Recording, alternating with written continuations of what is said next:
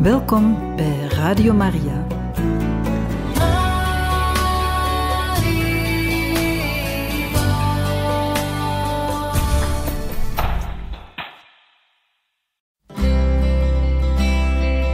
Welkom bij Boekat, een programma van Radio Maria.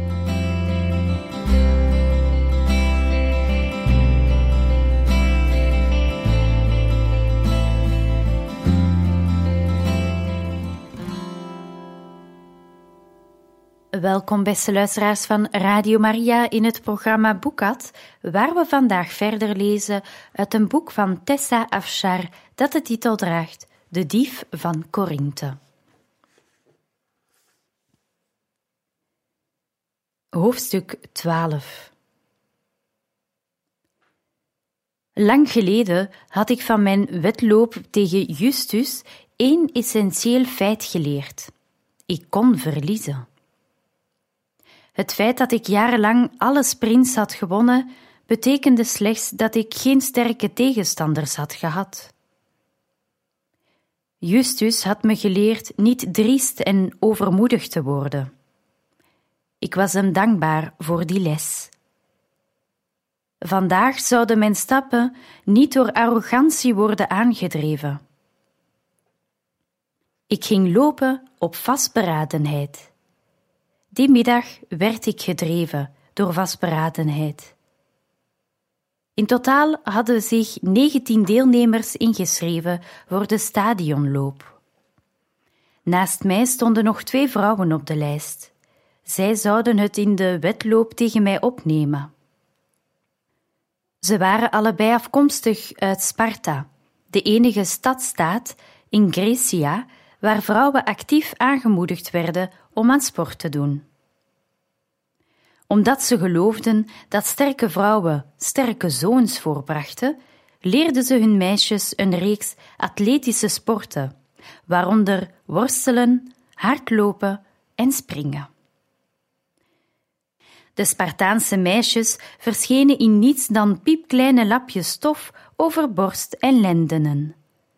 Vergeleken met hen was ik een godin van kuisheid. Aarzelend trok ik mijn tunica uit en begon rekoefeningen te doen in mijn blauwe chiton. Een man in een mouwloze Griekse tunica schudde zijn hoofd. Schandelijke wicht. Een jongere man grijnsde. Heerlijke nimf, je hoeft maar tegen me te lachen en ik wijd me voor altijd aan je altaar. Vader, die de ongewenste aandacht opmerkte, kwam in de buurt om verdere opmerkingen van bewonderaars en critici te ontmoedigen. Ik glimlachte dankbaar tegen hem en ging door met rug en benen rekken. De andere atleten waren met soortgelijke oefeningen bezig. Ik werd me bewust van hun gespierde gestalten, bezig van het trainen en sterk genoeg om me te verslaan. Sommige van deze mannen streden op ieder festival dat in het land gehouden werd, ook op de Olympische Spelen, en werden voor hun inspanningen betaald. Plotseling begon ik te twijfelen aan mijn gezonde verstand. Wat had ik gedaan? Ik besloot me niet meer te focussen op winnen. Ik hoopte alleen maar dat ik niet zo armzalig zou verliezen dat ik de komende tientallen jaren het mikpunt van spot zou zijn. Mijn favoriete heiligdom was in die tijd niet dat van de beroemde goden die gehuisvest waren in voorname tempels en bezocht werden door duizenden vurige gelovigen. De heilige plaats waar mijn voorkeur naar uitging, was gemaakt van effen wit marmer met een inscriptie in het Grieks: Voor een onbekende God. Ik had altijd het gevoel gehad dat de onbekende God welwillender tegenover me zou staan dan al die andere goden. Ook ik was onbekend geweest, een vreemdeling onder mijn eigen familieleden. Hoewel ik al lang niet meer in de goden geloofde, kon die godheid soms mijn ziel nog beroeren. Als er in de hemel zoiets bestond als een god, dan was hij zeker onbekend. In het aangezicht van mijn nederlaag en schande wendde ik me tot hem en vroeg om kracht die mijn eigen kracht te boven ging. Ik nam mijn plaats in aan de startlijn.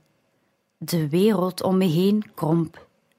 Ik vergat de pijn in mijn hoofd, vergat mijn brandende keel, vergat mijn korte tunica. Ik vergat de kracht van mijn tegenstanders. Ik boog mijn knie, zorgde ervoor dat mijn rug recht was, zette mijn vingertoppen op de grond en strekte mijn sterkste been, het linker, naar voren. Het startsignaal klonk. Mijn linkerarm kwam omhoog en dreef me naar voren toen ik vertrok met een explosie van beweging. Ik had nog nooit tegen zoveel hardlopers tegelijk gelopen. Ik negeerde hun vechtende lijven, het stof van hun voeten en rende door met steeds langere stappen. De sprint vereiste snelheid van start tot finish. Ik deed mezelf op tot boven de grenzen van mijn lichaam, boven pijn en ademnood, tot ik andere hardlopers begon te passeren. Mannen, vrouwen, ik flitste langs hen heen en behield de vaart die ik bij de start had gemaakt. Ik stelde mijn blik in op de finish. Mijn armen pompten me naar voren, mijn stappen waren lang en vloeiend. Ik verloor het besef of ik nu voor of achter was. Mijn wereld vernauwde zich tot die ene paal, de ranke, geverfde zuil die het eind van het parcours aangaf. Pas toen ik die voorbij was en langzaam tot stilstand kwam, werd ik me weer bewust van de wereld om me heen, van de juichende menigte, van een hoogwaardigheidsbekleder die een krans van pijnboomtakken op mijn hoofd drukte, en van mijn vader die me omhelsde en onsamenhangende woorden schreeuwde. Theo was er al niet beter aan toe. Hij was schoor van het schreeuwen van opwinding. Tranen vermengden zich met zweet en de geur van pijnboomtakken, toen het langzaam tot mijn verdoofde brein doordrong dat ik had gewonnen. Ik had echt de stadionloop van de Isthmische Spelen gewonnen. Tot op de dag van vandaag wekt de geur van pijnboomhout een vage sentimentaliteit in me. Toen mijn hart stopte met hameren, werd ik weer opmerkzaam voor de toestand van mijn lichaam. Mijn keel was uitgedroogd en brandde fel. Ik voelde me licht in mijn hoofd van de pijn in mijn schedel. Plotseling werd ik overvallen door een golf van verlammende misselijkheid. Ik voel me niet goed, hijgde ik. Zullen we naar huis gaan? Naar huis? Maar je hebt zojuist de korte afstand gewonnen. Er staat een zee van mensen klaar die je willen feliciteren. Vader gaf een klap op mijn rug. Er is iets mis met haar, zei Theo. Ik ben misselijk, kreunde ik. Alsjeblieft, vader, breng me naar huis voordat ik me te schande maak. Mijn vader keek om zich heen. Het is nog een hele eind naar waar we de draagstoel hebben achtergelaten. Kun je lopen? Ik beet op mijn lip. Ik moest mijn laatste krachten hebben opgebruikt in de wedloop. Nu voelde ik me wiebelig en onzeker op mijn voeten. Mijn maag kwam omhoog. De gedachte aan een lange wandeling door de menigte verpletterde me. Ik had harder gelopen dan de beste atleten in Grecia, maar ik betwijfelde of ik in staat was het hele stadion door te lopen. Ik kon wel huilen om de ironie. Ik kan je dragen, bood Theo aan. Nee, riep ik uit. Iedereen zou zeggen dat dit nu de reden was waarom vrouwen niet mochten meedoen aan de Spelen. Ze zouden het wijten aan de zwakheid van mijn sekse en beweren dat de wedloop te veel voor me was gebleken. Kan ik helpen? Justus, vader was opgelucht. We moeten Ariadne hier weg zien te krijgen. Ze voelt zich niet goed. De draagstoel is te ver weg. Ik wil haar niet dragen waar het gepeupel bij is. Justus keek naar me. Zijn ogen waren donkergroen, net als mijn overwinningskrans, en vol ongewone zachtheid. Mijn strijdwagen is in de buurt. Als je op mij kunt leunen, rijden we samen weg. Dan is het net of we als twee Corinthische winnaars een overwinningsrondje doen. Wat vind je daarvan? Beter dan me een weg te moeten banen door de menigte. Dat is de mooiste lof die ik vandaag heb ontvangen, zei Justus, droog. Ik was te ziek om te beseffen dat de duizenden mannen en vrouwen die die dag in het stadion aanwezig waren, het als een onvergetelijke eer zouden hebben beschouwd om in de strijdwagen van een kampioen te rijden. Justus gaf zijn stalknecht opdracht de strijdwagen zo dicht mogelijk naar onze locatie te brengen. Hij was met de witte strijdwagen naar de arena gereden, de strijdwagen waarin Theo de wagenrennen van dit jaar had gewonnen. Dat voertuig had een bovennatuurlijke status gekregen nu het op vier iets spelen had gewonnen. Mensen maakten ruim baan, als betrof het een heilig object. Justus stond bij ons als een schildwacht. Vaag drong tot me door dat hij met zijn aanwezigheid anderen uit de buurt hield. Justus straalde uit dat hij privacy wilde. Tussen twee overwinnaars. Door bij me te blijven vergrootte hij de glorie van mijn bescheiden prestatie.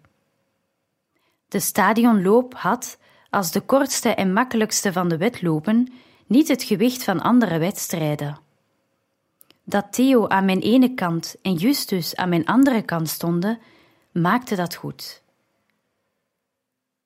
Ik leunde zwaar op mijn vader en deed mijn best om de inhoud van mijn maag op zijn plaats te houden, in plaats van op iemands sandalen. Daar komt de strijdwagen, zei mijn vader. Ga jij naar huis met Justus. Theo en ik komen zo gauw we kunnen. Ik schraapte mijn laatste krachten bij elkaar en richtte me op. Zullen we gaan? zei ik, met mijn hoofd omhoog als een koningin. Justus lachte zacht. Zo ken ik mijn meisje weer. Dionysius zou trots op je zijn. Steunend op Justus' arm klom ik in de strijdwagen. De toeschouwers dachten dat de rit een show was die erbij hoorde, om de atletische moed van Corinthe te vieren. Ze juichten ons toe toen we in beweging kwamen en scandeerden Justus' naam. De paarden trokken in vloeiende harmonie en hielden de strijdwagen in evenwicht. Zelfs de geringste beweging van de wielen over het gras deed mijn maag omdraaien. Ik klemde me vast aan de gladde houten rand. Mijn vingers waren bloedeloos van het knijpen. Heb je iets verkeerd gegeten? vroeg Justus en hij keek me aan. Nee, ik werd wakker met een zere keel en hoofdpijn. Je hebt die wedloop gelopen terwijl je ziek was? Het leek me toen een goed idee. Hoor eens, zei ik, omdat ik een preek voelde aankomen. Vind je het goed als we niet praten? Ik vrees dat er iets anders dan woorden over mijn lippen komt. En de mensen zullen me gezelen als ik je kostbare strijdwagen bevuil. Justus zette grote ogen op. Ik zal proberen grote plassen in de weg te ontwijken. In een waas van emotie en ellende begaven we ons naar huis. Gelukkig kwam het niet zo ver dat ik me te schande maakte bij een geliefde zoon van Athene. Toen ik die avond in mijn bed werd gestopt, was mijn maag tot rust gekomen en mijn keelpijn verlicht door het drankje van een arts. Ik koesterde mijn pijnboomkrans tegen mijn borst en probeerde te denken aan de wedloop die ik op wonderlijke wijze had gewonnen. Maar in plaats daarvan zoom Justus gezicht voor mijn ogen. Het gevoel van zijn armen om mijn rug en bovenbenen toen hij me naar mijn kamer droeg, bleef me achtervolgen toen ik in slaap viel.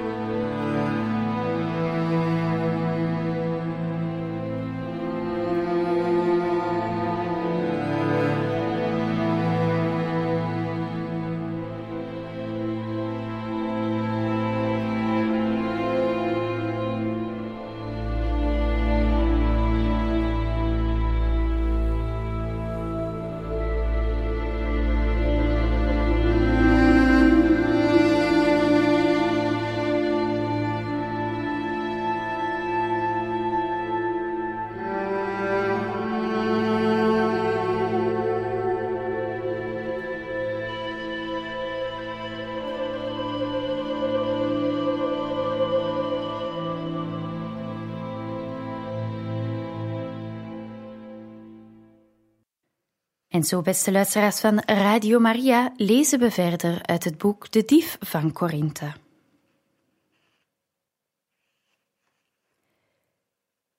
Door mijn overwinning werd ik niet verheven in de annalen van glorie. Ik was een vrouw en dat verhinderde dat ik omhoog schoot in populariteit. Er was beleefd applaus geweest toen ik won, een paar felicitaties in de weken daarna en toen keerde ik terug naar mijn gewone leven. Ik kreeg niet eens een geldelijke beloning. Anders dan bij de andere atletische evenementen in Grecia was bij de Isthmische Spelen geen goud of zilver te winnen voor de kampioenen. Degenen die deelnamen, deden het om de eer. Binnenin me verschrompelde iets door de wetenschap dat ik met al mijn ijver niet had bereikt waar ik zo naar verlangde. Ik had gewonnen op de Isthmische Spelen, maar daarmee had ik niets bewezen. Ik gebruikte mijn pijnboomkrans als luchtverfrisser in de kamer en nam voor goed afscheid van de wedstrijdtraining, hoewel ik het hardlopen nooit zou opgeven. Dat was echt iets wat bij me hoorde. Ik rende nu niet meer om de overwinning te behalen, maar gewoon om het plezier in de sport. Met een rusteloos hart begon ik weer met lezen en filosofielessen met Claudia, Junia en Vierde. Op een avond zaten vader en ik nog laat ontspannen in het atrium naar de maan te kijken, die vol en wit als een zelfvoldane bruid aan de middernachtelijke lucht stond. Vorige week heb ik een zeekapitein ontmoet op een feest, zei ik. Dankzij Theo ontving ik nu wat uitnodigingen en had ik iets wat leek op een sociaal leven. Hij beweerde dat hij drie schipbreuken overleefd had. Ik zei dat het me verbaasde dat iemand hem nog aannam met zo'n staat van dienst. Het feit dat hij het kan navertellen getuigt van zijn vaardigheid, zei vader. Dat zei hij ook. Welke schepen zijn het veiligst, denkt u? Oorlogsschepen of koopvaardijschepen? Ik hield mijn hoofd schuin om de maan beter te kunnen zien door de opening van het atriumdak. Schepen die in het dok liggen, zei hij, en ik moest lachen. Nooit zou hij het leed om zijn verloren schip vergeten. We hoorden een klap bij de voordeur. Het was al zo laat dat de slaven de deur hadden dichtgedaan en vergrendeld, hoewel Theo nog niet thuis was. Toen klonk het geluid van de deur die openging, en toen weer een klap. Ik verstijfde. Theo strompelde de binnenplaats op en bleef abrupt stilstaan toen hij vader en mij zag. Is er een feestje? Zijn stem schalde luid en hij sprak de woorden met overdreven zorg uit. Wel nu jij er bent. Vader klopte op het kussen naast zich. Kom bij ons zitten. Theo aarzelde een ogenblik. Zijn ogen waren bloeddoorlopen en gezwollen. Hij zag er uitgeput uit. Ik dacht dat hij de uitnodiging zou weigeren en naar bed gaan, maar hij bleef, al koos hij een zitplaats tegenover vader in plaats van naast hem.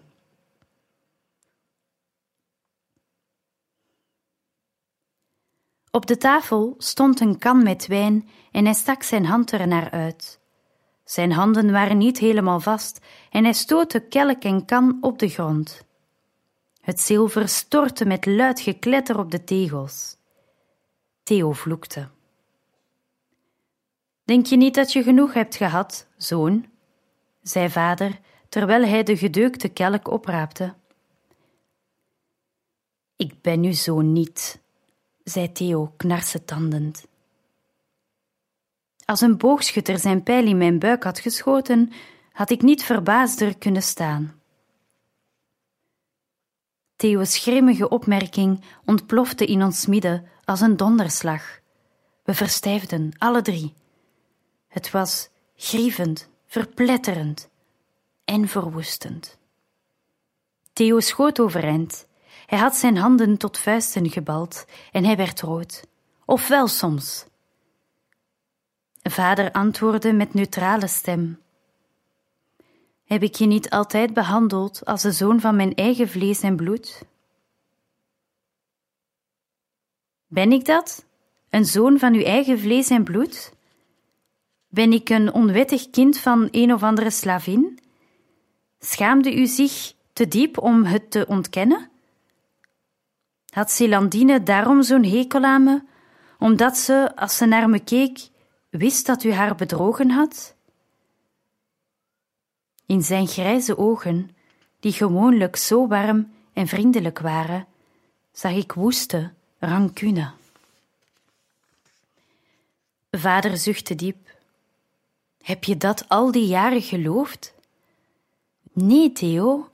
Ik heb je gevonden, zoals ik gezegd heb, op de dag waarop Ariadne werd geboren. Je bent niet verwekt door mijn zaad. Theo staarde vader opstandig aan, en toen hij zag dat hij de waarheid sprak, zakte hij weer op de bank neer. Vader stak zijn hand uit. Theo, al ben je geen kind van mijn lendenen, je bent in alle opzichten mijn zoon. Maar dat ben ik niet. Toch? Nu was mijn vader aan de beurt om rood te worden. Hij kon Theo niet blijven aankijken. Met trillende vingers wreef hij in zijn ogen. Ik voelde me alsof de grond tussen mijn voeten was opengebarsten. Ik voelde me steeds verder uit elkaar gescheurd. Theo ging rechtop zitten.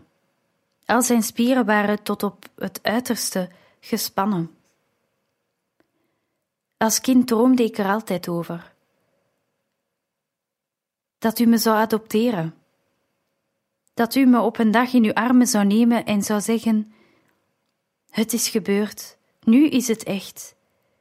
Nu zal de hele wereld weten dat je mijn zoon bent en ik je vader ben. Maar het is nooit gebeurd. Ik maakte mezelf wijs dat het om Celandine was, omdat zij het niet goed zou vinden als u zo'n publiekelijke stap maakte. Maar toen gingen jullie scheiden en ik dacht: nu gaat hij het doen. Nu Celandine weg is, zal Galenos me opeisen. Dan zou niemand me meer een vondeling durven noemen. Eindelijk zou ik een echte zoon zijn. Maar in plaats daarvan stuurde u me naar Athene. Hij stak zijn hand op en ging verder. Ik koos ervoor om te gaan. Ik ben uit eigen wil gegaan, omdat ik wist dat Celandine me nooit zou accepteren als u me had geadopteerd. Gaan betekende dat mijn dromen weer verpletterd zouden worden onder haar voeten. Dus ik nam me plechtig iets voor. Als ik in de ogen van de wereld uw zoon niet mocht zijn, dan zou ik de zoon van uw hart zijn. – En dat was je ook, dat ben je. Theo hakte heftig met zijn hand in de lucht om vaders woorden teniet te doen. Ik leefde als een zoon, trouw aan uw zorgen en behoeften. Ik dacht dat dat genoeg zou zijn. Toen Ariadne en ik wegliepen, durfde ik weer te hopen. Eindelijk zal hij mij erkennen, dacht ik. Er was niets meer wat u verhinderde om me te adopteren. Geen Celandine, geen Athene. Eindelijk zou ik ergens bij horen. Hij zuchtte beverig. Tranen sprongen in zijn ogen, tranen die hij niet wilde laten vallen. Ik vloog naar hem toe en wilde mijn armen om hem heen slaan, maar hij duwde me weg. Ik huilde om de pijn die hij die eindeloze jaren had gedragen. De pijn niet werkelijk een van ons te zijn, en de schande van afgedankt te zijn.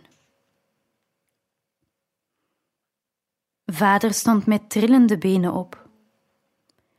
Theo, ik kon het niet. Begrijp je het niet? Ik had Ariadne al gekozen boven Dionysius. Het was de enige manier om haar te redden. Ik wist dat Dionysius het venijn van die afwijzing zou voelen. Als ik vervolgens jou had geadopteerd, zou hij kapot gegaan zijn van verdriet. Wat zou jij in zijn plaats hebben gedacht? Hij zou geloofd hebben dat ik hem volkomen vervangen had. Dat kwam hard aan. Was het mijn schuld?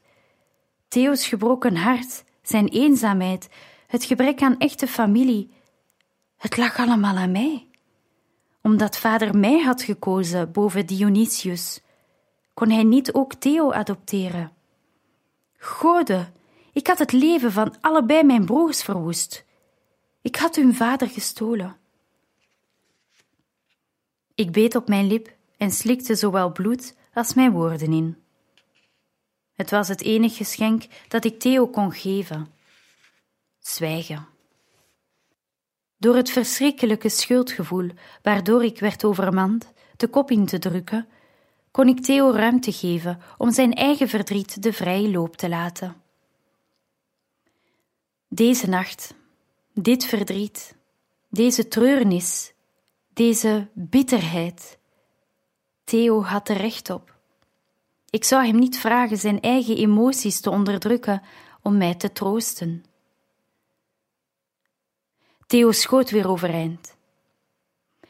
In de strijd tussen u en Celandine was er altijd een prijs te betalen, en u koos mij als betaling. Celandines boosheid moest gesust worden, dus ik betaalde die prijs. Ariadne moest veilig zijn, dus ik betaalde die prijs. Dionysius moest zich gevoeld voelen, dus ik betaalde die prijs. Ik ben geen zoon voor u, ik ben uw offerlam. Elke keer als er iemand bloed moet vergieten op het altaar van deze familie, sleurt u mij tevoorschijn en snijdt u mijn keel door. U hebt me gevoed en gekleed en mijn opleiding betaald. Maar u hebt er ook voor gezorgd dat de wereld nooit vergat dat ik niet meer was dan een ongewenst weeskind. De zweer was opengebarsten en de etter stroomde naar buiten. De stank ervan benam ons de adem. We stonden alle drie op, in een waas van ongeloof, overdekt met de pu van jaren, bedekt met schuld en bitterheid pijn en schaamte. Vader wankelde naar Theo toe. Het, het spijt me, Theo. Vergeef me. Ik heb je onrecht aangedaan. Je moet me geloven, ondanks alles hou ik van je. Je bent in alle opzichten mijn zoon, alleen niet officieel voor de wet. Er waren te veel pijnlijke dingen gezegd en we hadden allemaal te veel verdriet om die avond genezing te vinden. Vaders woorden waren oprecht, maar hadden nog niet de macht om Theo te kalmeren. Je kunt een met pus gevulde wond niet uitbranden zonder eerst het gif eruit te laten sijpelen. Wijn en jaren van opgestapelde teleurstellingen waren ervoor nodig geweest, maar eindelijk had Theo zijn bijtende beschuldigingen vrijuit laten stromen.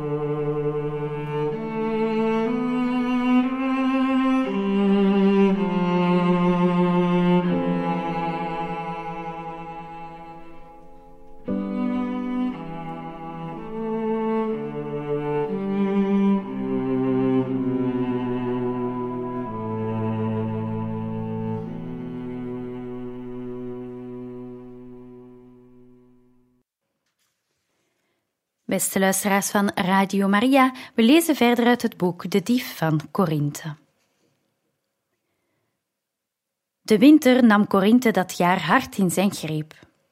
Je adem kwam in witte, dunne slierten naar buiten, als kleine stukjes van je ziel, die je voor altijd verlieten. We liepen op eieren, draaiden ongemakkelijk om elkaar heen, we leefden als mensen die onder het mes van de.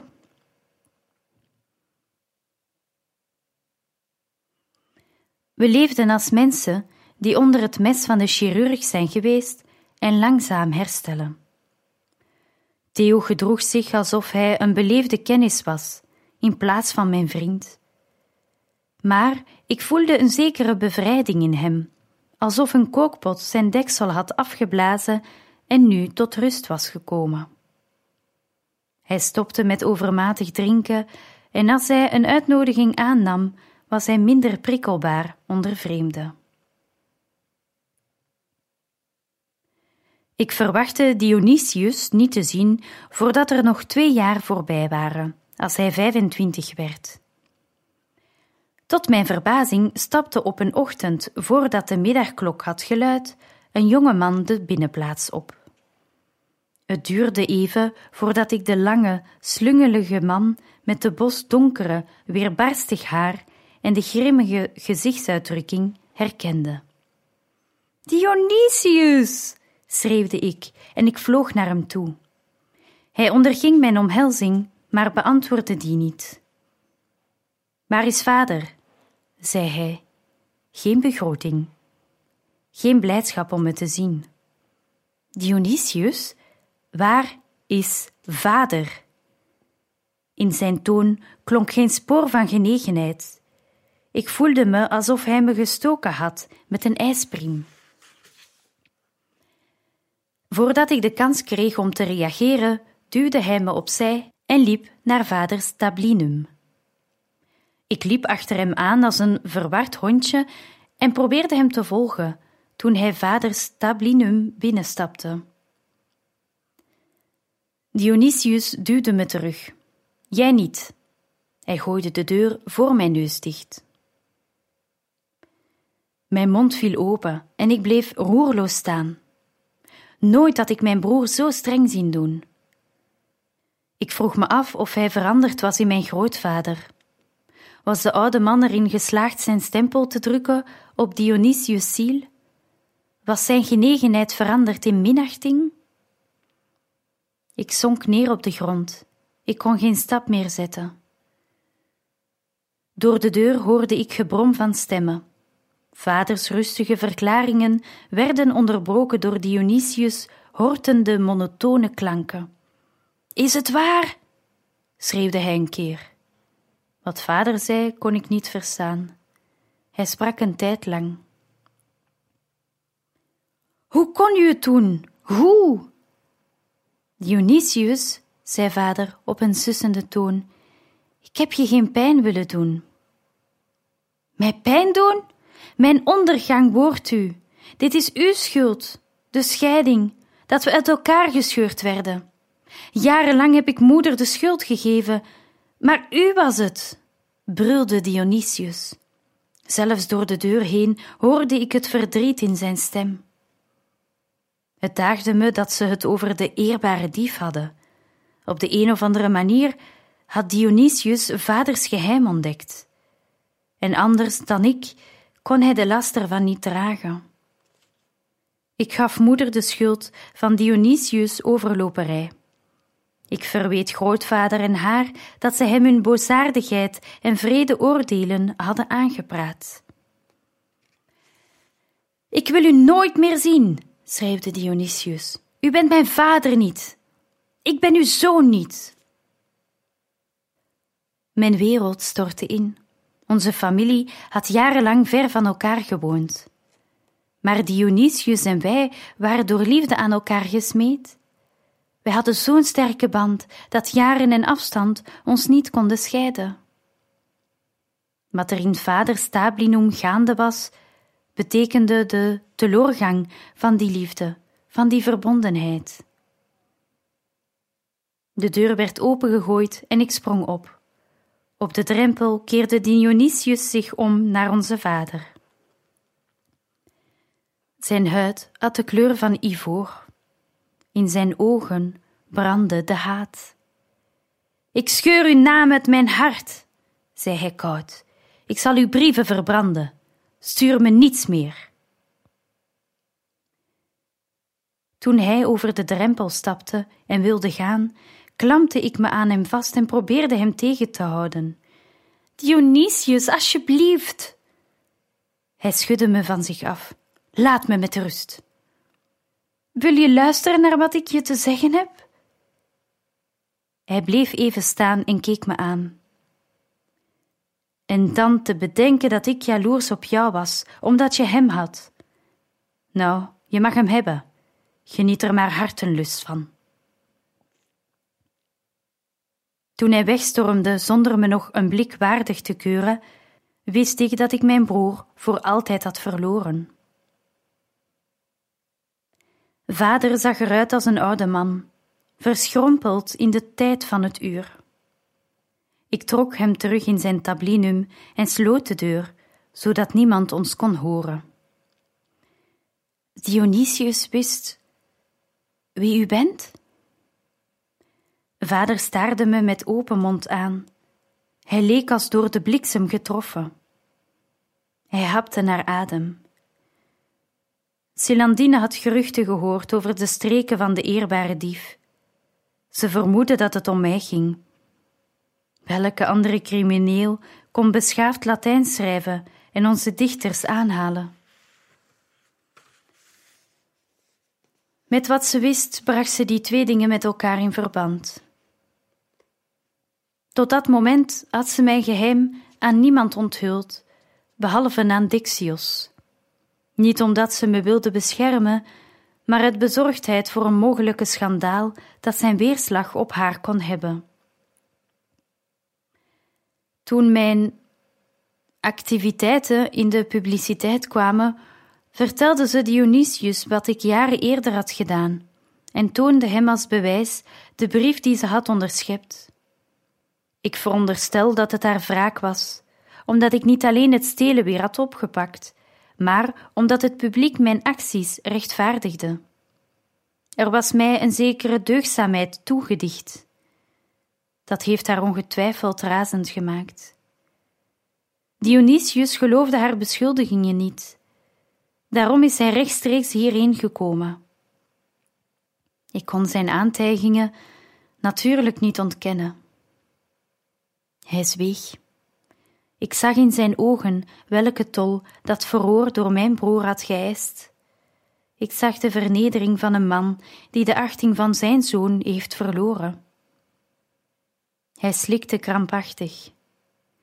Hij had me op een voetstuk gezet en kon het niet verdragen dat ik zo diep gezonken was. Ik neem het hem niet kwalijk, Ariadne. Een man verdient beter van zijn vader. Hij legde zijn hoofd in zijn handen. Ga maar, zei hij. Ik moet alleen zijn. De enige persoon die altijd wist hoe hij me moest troosten, hoe hij mijn schreeuw om hulp moest beantwoorden, zat hulpeloos te bibberen en te snikken, terwijl ik hem aanstaarde en niet wist hoe ik moest helpen. Ik had het gevoel dat ik een belegering had meegemaakt of een veldslag en dat ik aan de verliezende kant stond. Mijn familie lag aan diggelen en ik wist niet hoe ik haar moest herstellen. Ik voelde het tot in mijn botten. Deze kloof kon niet worden gerepareerd. Jaren geleden had ik een veld gezien dat verwoest was door springkanen. De zwermen springkanen hadden de oogst opgegeten, gevolgd door de grondspringkanen die de restjes hadden verslonden. Ik voelde me net als dat veld, ondaan van alles wat mooi was, kaal gevreten en tot op het pot afgekrapt, tot er niets meer over was. Alles wat ik wilde, was me afgenomen. Eerst Theo en nu Dionysius. Ons geld begon op te raken. Straks raakten we ons land en ons huis ook nog eens kwijt.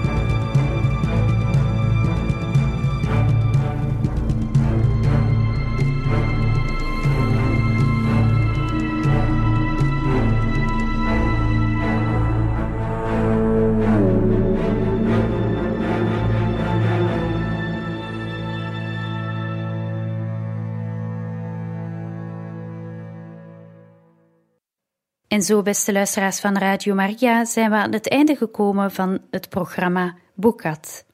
Volgende keer lezen we verder uit het boek De Dief van Korinthe van Tessa Afshar. Tot dan.